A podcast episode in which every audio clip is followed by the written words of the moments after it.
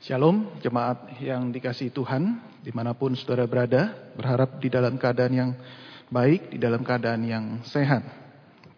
Saudara, mari kita membuka bagian firman Tuhan dari Yakobus pasal yang kedua, ayat yang pertama hingga ayat yang ke-13.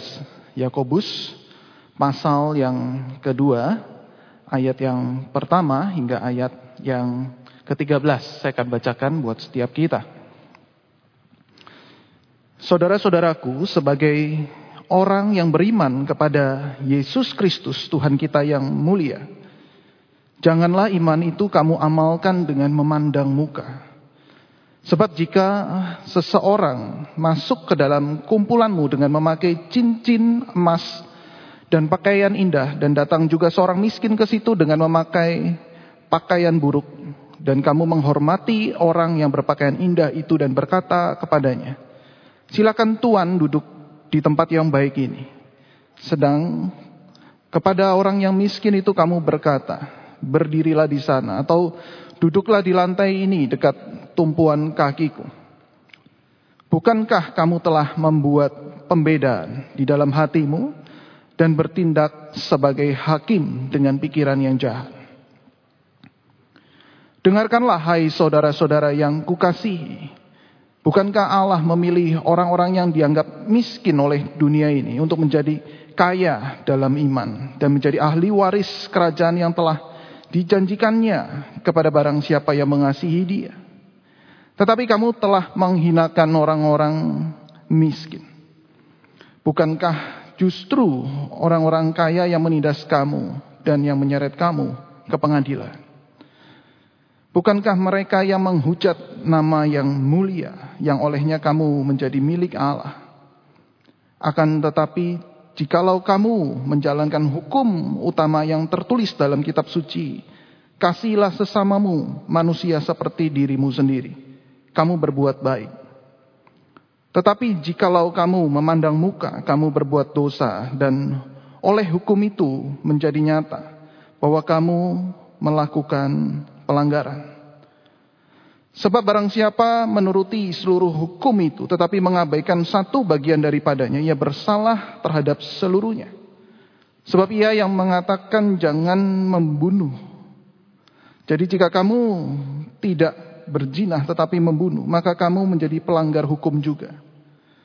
Berkatalah dan berlakulah seperti orang-orang yang akan dihakimi oleh hukum yang memerdekakan orang. Sebab penghakiman yang tak berbelas kasihan akan berlaku atas orang yang tidak berbelas kasihan. Tetapi belas kasihan akan menang atas penghakiman. Demikian pembacaan firman Tuhan berbekalah setiap kita yang bukan hanya mendengar tetapi juga melakukannya di dalam keseharian kita. Don't judge a book by its cover. Jangan menilai sebuah buku dari covernya atau sampulnya. Saudara ini slogan yang sangat terkenal, yang kita sangat familiar. Dan slogan ini merupakan inti dari perikop yang barusan kita baca. Saudara pemikiran inti dari Yakobus langsung diletakkan di ayat yang pertama, saudara. Dikatakan saudara-saudaraku sebagai orang yang beriman kepada Yesus Kristus Tuhan kita yang mulia. Janganlah iman itu kamu amalkan dengan memandang muka. Saudara ketika membaca perikop ini sering kali kita salah mengerti bahwa tidak boleh memakai perhiasan, tidak boleh kita uh, membenci orang miskin, tentu itu benar begitu ya. Kemudian hati-hati dengan kekayaan yang bisa menjadi batu sandungan. Tetapi ini pengertian yang tidak tepat untuk kita bisa menafsirkan satu perikop ini. Justru yang menjadi fokus utama adalah sikap memandang muka yang menjadi fokus untuk bisa kita perhatikan bersama-sama. Dan ternyata itu dilakukan oleh orang-orang percaya pada saat itu ketika mereka melakukan aktivitas agamawi mereka. Saudara apa itu memandang muka? Saudara memandang muka berarti memberikan perhatian khusus terhadap orang atau kelompok tertentu karena faktor-faktor tertentu. So, misalnya kekayaan. Dan itu sebabnya di dalam ayat 2 sampai ayat yang ketiga, Yakobus memberikan ilustrasi bagaimana orang kaya kemudian menggunakan cincin emas, pakaian yang indah, lalu kemudian datang juga ada orang miskin datang ke sana dengan pakaian yang buruk atau pakaian yang kotor, lalu kemudian mereka dengan mudah langsung berkata bahwa orang kaya itu duduk di sini, duduk di tempat yang baik ini. Tetapi orang yang miskin itu silakan duduk di luar atau duduk di bawah di lantai ini. Saudara, ini Yakobus mencontohkan salah satu faktor kekayaan. Itu orang bisa dipandang karena kekayaannya. Tetapi bukan hanya kekayaan, barangkali bisa juga kepandaian. Ketika seseorang bergelar tinggi, seseorang itu akan lebih dipandang ketimbang orang tidak punya gelar. Dan bukan hanya kepandaian, tetapi banyak orang yang memandang muka karena ketampanan atau kecantikan. Anak muda bondong-bondong melihat artis yang ganteng, yang tampan, yang cantik. Dan banyak motivator-motivator yang tampil sangat baik sekali dan itu didengar oleh banyak orang. Dan faktor yang lain misalnya juga warna kulit melakukan diskriminasi terhadap kelompok tertentu. Ini memandang muka juga. Dan tanpa sadar orang tua juga sering kali mendidik. Meskipun itu sangat terselubung ketika mengajarkan anaknya bergaul. Nah, bergaul sama teman yang lebih pandai. Bergaul dengan teman yang lebih kaya. Supaya kamu bisa ikut kaya, ikut pandai. Tanpa sadar orang tua mengajarkan anak-anak dengan cara seperti ini. Meskipun kita memang harus selektif di dalam pergaulan. Kita harus memilih teman-teman yang bijak. Tetapi tanpa sadar, ada virus-virus memandang muka itu sedang ada di dalam hati dan pikiran kita. Dan ditularkan kepada keluarga kita. Saudara, karena itu, Yakobus menekankan bahwa sikap memandang muka ini adalah sikap yang sangat dibenci oleh Tuhan. Dikatakan di ayat yang keempat, bukankah kamu telah membuat pembedaan di dalam hatimu dan bertindak sebagai hakim dengan pikiran yang jahat. Kemudian ayat yang ke-9, tetapi jikalau kamu memandang muka, kamu berbuat dosa, dan oleh hukum itu menjadi nyata bahwa kamu melakukan pelanggaran. Dikatakan di sini memandang muka adalah suatu dosa, suatu pikiran yang jahat. Dan pertanyaannya, mengapa? Sikap memandang muka itu dikatakan dosa, bahkan jahat di mata Tuhan. Surah hal yang pertama yang kita bisa pelajari bersama, yaitu ketika seseorang memandang muka sama halnya dengan ia sedang menghakimi sesama. Ketika seseorang memandang muka, sama halnya ia sedang menghakimi sesama manusia. Saudara kita mungkin bertanya, jahatnya di mana? Salahnya di mana? Saudara ketika seseorang memandang muka dengan kacamata yang buram, saudara maka hasilnya akan berbeda. Misal saya menggunakan face shield ini dengan sangat buram. Maka saya akan melihat tentu dengan cara yang berbeda.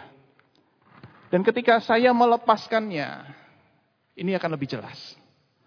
Surah artinya apa? Artinya ketika seseorang memandang muka dengan cara yang salah. Ini hati-hati.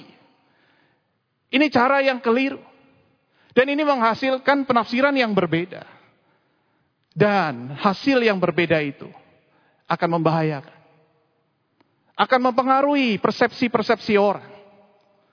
Sehingga di dalam ketika kita melihat bagian ini, kita bisa melihat bagaimana Tuhan, Allah sendiri, memandang dengan cara Allah. Menilai secara Alkitabiah.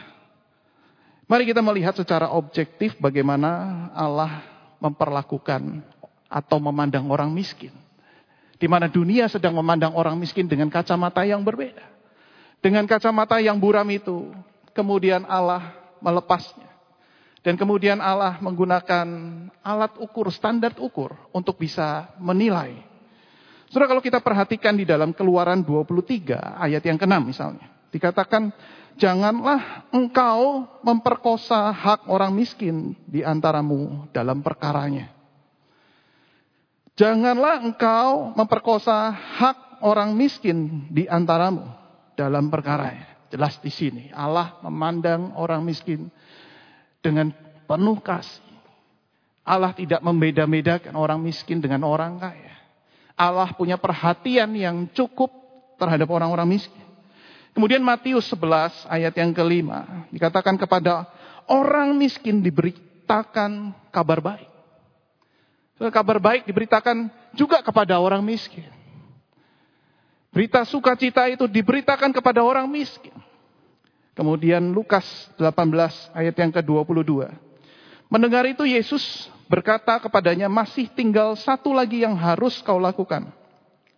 Dia ber, berhadapan dengan pemuda yang kaya. Lalu Yesus berkata, jualah segala yang kau miliki dan bagi-bagikanlah itu kepada orang-orang miskin. Orang-orang miskin selalu mendapat tempat prioritas di dalam hati dan pikiran daripada Yesus. Orang miskin selalu mendapat perhatian yang penuh dari kacamata Allah. Sehingga ketika dunia memandang dengan cara yang berbeda, Allah memberikan cara yang berbeda ketika dia memandang. Lantas kita mungkin bertanya seperti ini. Apakah pemilihan Allah atas orang miskin di sini menunjukkan Allah memandang muka hanya kepada orang miskin? Jadi ini ada sebuah pendapat yang berbeda lagi. Kalau begitu, apakah Allah hanya memandang orang-orang miskin itu? Jawabannya tidak. Allah memilih siapa saja yang dikehendakinya. Di antara semua yang dipilihnya tersebut ada sebagian yang miskin. Tetapi juga ada sebagian mereka yang kaya. Saudara kalau kita lihat Lukas pasal yang ke-8 ayat yang ketiga. Yohana, istri Kusa bendahara Herodes. Susana, dan banyak perempuan lain. Perempuan-perempuan ini melayani rombongan itu dengan kekayaan mereka. Mereka orang-orang kaya yang giat melayani. Lalu kemudian Matius 27 ayat 57. Dikatakan menjelang malam datanglah seorang kaya, orang Arimatea yang bernama Yusuf. Dan yang telah menjadi murid Yesus juga. Artinya Tuhan kita juga memandang orang-orang kaya, memilih sebagian dari antara mereka untuk menjadi murid, menjadi orang percaya, untuk melakukan pelayanan dengan kekayaannya.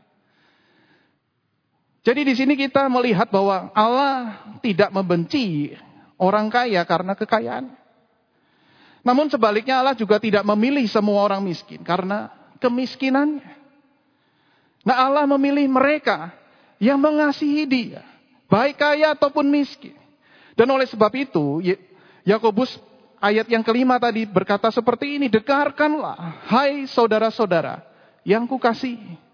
Bukankah Allah memilih orang-orang yang dianggap miskin oleh dunia ini untuk menjadi kaya dalam iman dan menjadi ahli waris kerajaan yang telah dijanjikannya kepada barang siapa yang mengasihi dia. Perhatikan kalimat Barang siapa yang mengasihi dia. Bukan hanya orang miskin, tetapi juga orang kaya yang mengasihi dia. Allah memandang hati. Allah memandang hati yang paling dalam. Di saat orang-orang itu melihat dengan kacamata yang burah, Allah melepasnya. Dan kemudian sorotan matanya, kemudian sangat tajam melihat lubuk hati dari setiap kita. Apakah kita adalah anak-anak Tuhan yang sungguh mengasihi Dia? Dan itulah cara Allah memandang. Itulah cara Allah menilai. Itulah cara Allah menghakimi menurut penilaian Allah. Berikutnya, mengapa kita memandang muka itu dikatakan dosa atau jahat di mata Tuhan? Saudara, yang kedua, ketika seseorang memandang muka, sebenarnya ia sedang melanggar hukum Allah. Ketika seseorang memandang muka, ia sedang melanggar hukum Allah. Saudara mungkin bertanya di mana pelanggarannya ketika seorang memandang muka. Di ayat yang ke-8 dikatakan, akan tetapi jikalau kamu menjalankan hukum utama yang tertulis dalam kitab suci, kasihilah sesamamu manusia seperti dirimu sendiri. Kamu berbuat baik. Yakobus langsung menjawab dan menekankan bahwa justru yang kamu langgar itu adalah hukum yang paling dasar. Hukum yang paling esensi yaitu adalah hukum kasih. Di mana kamu tidak mengasihi sesamamu manusia seperti dirimu sendiri. Saya perhatikan di sini di saat orang-orang berdebat tentang aturan, di saat orang berdebat tentang perilaku agamawi, di sini Yakobus langsung menekankan dengan sangat jitu bahwa yang paling penting itu adalah makna di balik aturan itu. Di saat orang-orang sedang melihat dengan kacamata yang buram itu, bagaimana orang-orang itu berperilaku, maka Yakobus melepas kacamata itu. Dia justru melihat ada yang paling penting, ada yang paling esensi yang kamu langgar di sini, yaitu hukum kasih. Hukum yang sempurna itu. Hukum yang kemudian dikembangkan menjadi hukum Taurat. Tetapi kenapa engkau selalu mempeributkan soal-soal apa yang bisa dilihat dari penampilan lahiriah itu? Tetapi di sini Yakobus langsung mengarah pada hukum yang utama. Untuk memudahkan mari kita mengingat perkataan Yesus di dalam Matius 7 ayat 12. Matius 7 ayat 12. Segala sesuatu yang kamu kehendaki supaya orang perbuat kepadamu, perbuatlah demikian juga kepada mereka. Mudah-mudahan ini bisa membuat kita lebih jelas ketika kita melihat apa yang dilanggar di sana. Ketika Yakobus menekankan kasihilah sesamamu manusia seperti dirimu sendiri. Ketika orang memandang muka, artinya apa? Artinya dia melakukan penghakiman kepada orang lain. Tetapi dalam Matius 7 ayat 12, segala sesuatu yang kamu kehendaki supaya orang perbuat kepadamu, perbuatlah demikian juga kepada mereka. Artinya perlakukanlah orang lain sebagaimana kita ingin diperlakukan.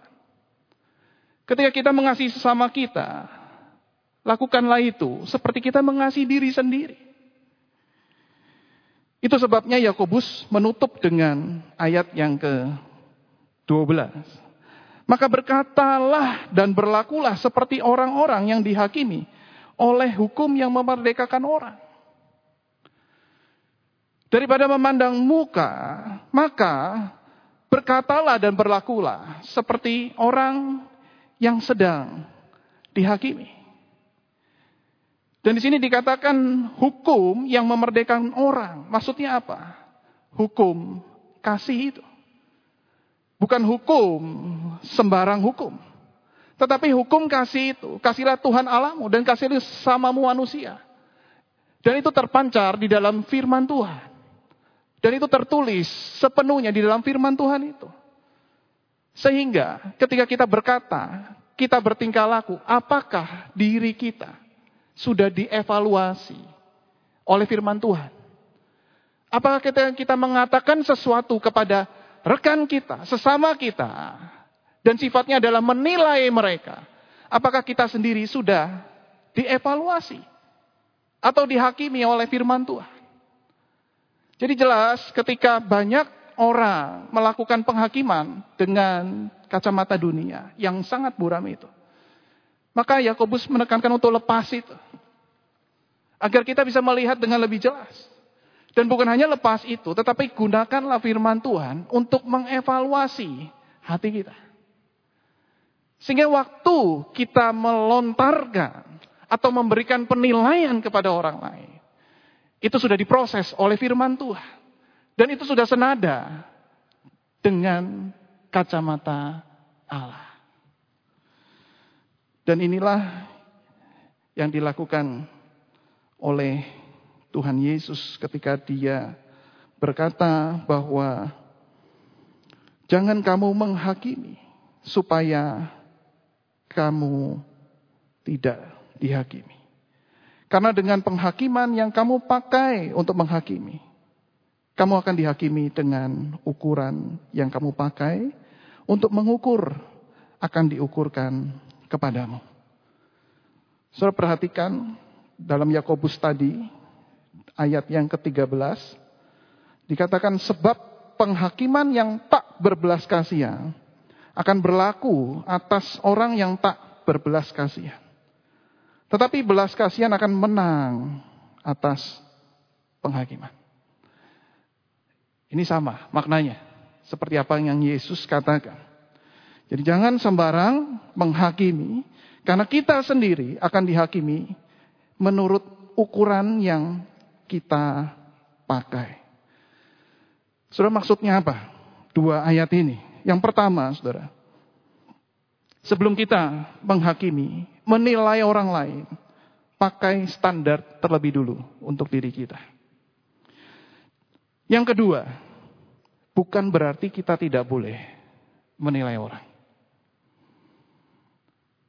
Tetapi, pakai standar yang benar ketika kita menilai orang. Pakai standar yang benar ketika kita mengevaluasi, menilai, atau mungkin menghakimi. Ini maknanya sama mirip-mirip, cuma beda versi saja. Pakai standar yang benar. Apa yang kita pakai? Apakah kita ada balok-balok di mata? Sehingga kita tertutup sebenarnya. Lalu kita nilai orang tersebut. Tetapi kalau standar itu benar, maka ini menjadi hal yang objektif di mata Tuhan. Bayangkan keluarga tidak ada benar salah. Oh, kalau gitu nggak boleh menghakimi kita. Tidak ada aturan. Mana benar, mana salah. Pasangan bebas berselingkuh. Anak didiamkan nonton situs porno. Semua mencuri bebas. Sudah komunitas ini pasti akan memunculkan kekacauan. Akan hancur, akan berantakan. Tidak ada kebenaran, tidak ada keadilan. Pasti tidak ada kasih. Tetapi jikalau ada kebenaran, ada keadilan ditegakkan di dalam sebuah komunitas, maka pasti Allah hadir karena Allah adalah kasih sekaligus yang benar itu. Kebenaran, keadilan dan kasih itu menjadi satu kesatuan di dalam pribadi Allah. Dan pastikan Allah hadir di tengah-tengah keluarga kita Pastikan Allah hadir di dalam komunitas di tempat kita bekerja. Pastikan Allah hadir di dalam komunitas gereja kita. Di situ Allah berkenan di dalam kebenaran dan kasih. Dan itu sebabnya ayat yang ke-13 ini juga bisa diartikan sebaliknya. Kalau tadi kita lihat sebab penghakiman yang tak berbelas kasih akan berlaku atas orang yang tak berbelas kasih. Maka sebaliknya bisa diartikan sebab penghakiman yang berbelas kasih itu akan berlaku atas orang yang berbelas kasih. Dan itu yang seharusnya kita lakukan. Ketika kita berelasi. Ketika kita mendapati orang-orang yang melakukan kesalahan. Ketika kita mendapati anggota keluarga yang mungkin melakukan hal yang keliru. Dan kita orang percaya seharusnya kita menilai seperti Kristus menilai. Dan ketika kita melakukan penghakiman yang benar sesuai dengan Yesus lakukan, itu adalah wujud kasih. Ketika kita menilai seseorang dan menghakimi sesuai dengan kacamata firman Tuhan secara benar, itu adalah wujud kasih. Mungkin saudara bertanya bagaimana solusi atau langkah praktisnya ketika kita dapat melakukan penilaian secara benar yang disertai dengan kasih itu. Kalau kita menunjuk orang lain, sebenarnya itu ada tiga jari yang mengarah ke tubuh kita. Maka tiga jari ini, saudara, itu yang kita harus pikirkan terlebih dulu sebelum kita menjatuhkan penilaian terhadap orang itu atau menjatuhkan penghakiman terhadap orang itu.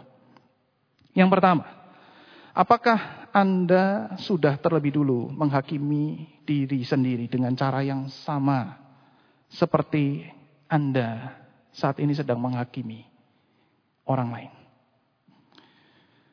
Tadi yang kita sudah bahas. Kita rangkum menjadi poin yang pertama ini. Apakah kita sudah terlebih dulu menghakimi diri kita dengan cara yang sama seperti kita menghakimi sesama?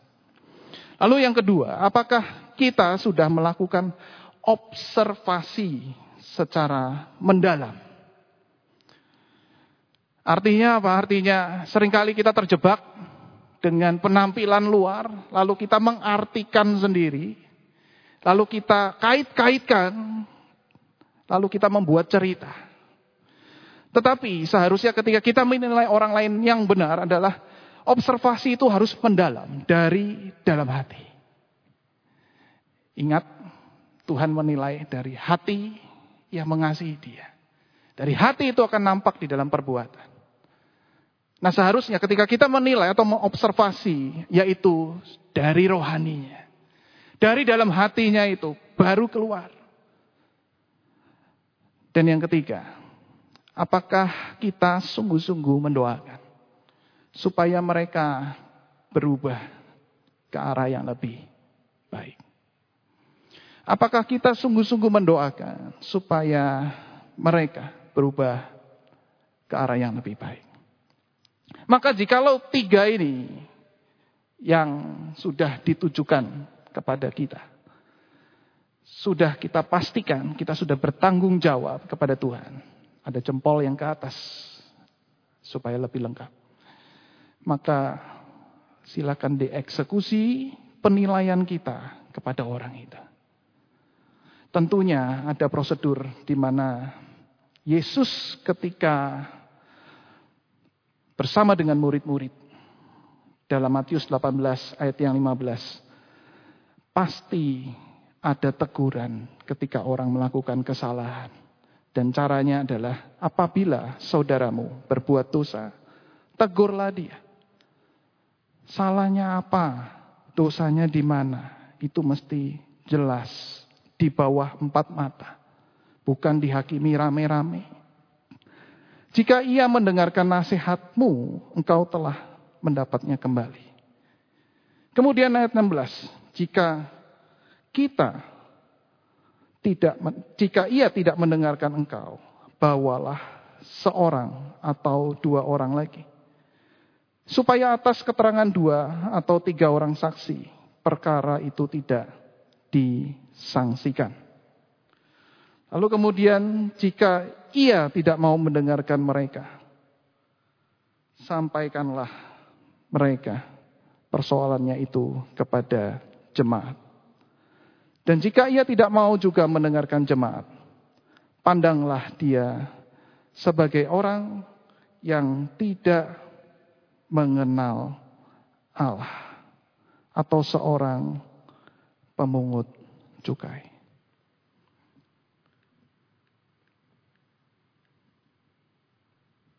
Ini prosedur-prosedur di mana ketika ada seseorang yang melakukan kesalahan, kita harus berani menegur. Tentu bukan sembarang menegur, tetapi ada orang yang dipercaya untuk bisa menggembalakan, mendampingi, melihat secara objektif. Ada keterangan-keterangan yang jelas. Lalu kemudian ketika dia tetap tidak mendengarkan bahwa satu atau dua orang lagi untuk bisa mendapati keterangan yang lebih jelas. Dan kemudian jika ia tidak mau mendengarkan mereka, sampaikanlah persoalan itu kepada jemaat. Dan saya percaya saudara, ketika hal ini diwujudkan, ketika kita melakukan prosedur seperti ini. Tujuan yang satu paling penting adalah orang atau sesama kita itu bisa berubah hidupnya dengan lebih baik. Hidupnya boleh sungguh-sungguh bertobat di hadapan Tuhan.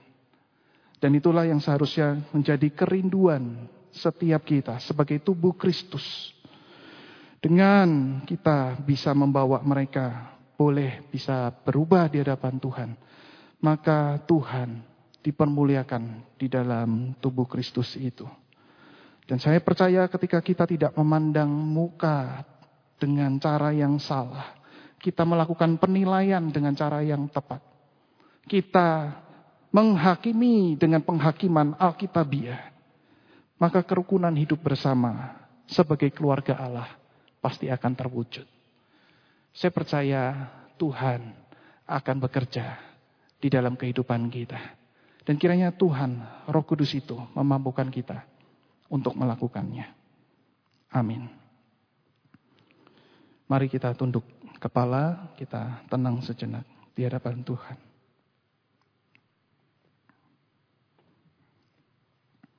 Sudah kita berdoa.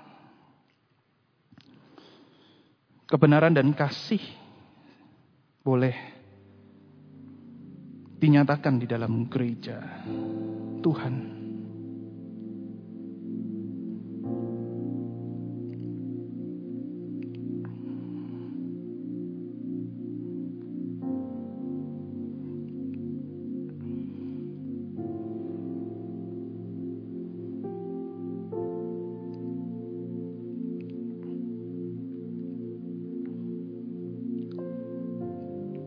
Setiap kita bertanggung jawab di hadapan Tuhan.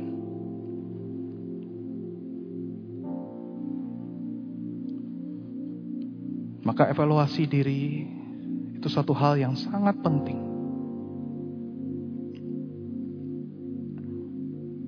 Pakai firman Tuhan.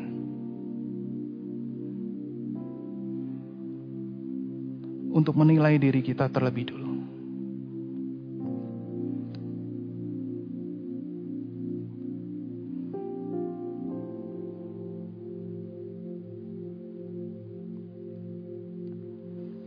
Ya Tuhan kami bersyukur Tuhan boleh berfirman, boleh menilai kami, boleh menegur kami. Kami manusia yang jauh dari sempurna. Karena itu kami berharap kepada Tuhan yang sempurna. Tuhan besertalah dengan kami. Nyatakanlah keadilanmu dan kasih-Mu bagi gereja kami. Nyatakanlah kebenaran-Mu dan juga damai-Mu di gereja kami ini. Sehingga engkau boleh mendapati kami sebagai keluarga Allah yang sungguh-sungguh hidup rukun bersama, menyenangkan hati Tuhan.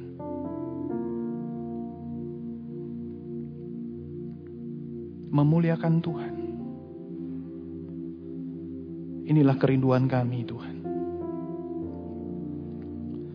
Kami panjatkan doa ini hanya dalam nama Tuhan Yesus Kristus. Kami berdoa, kami bersyukur. Amin.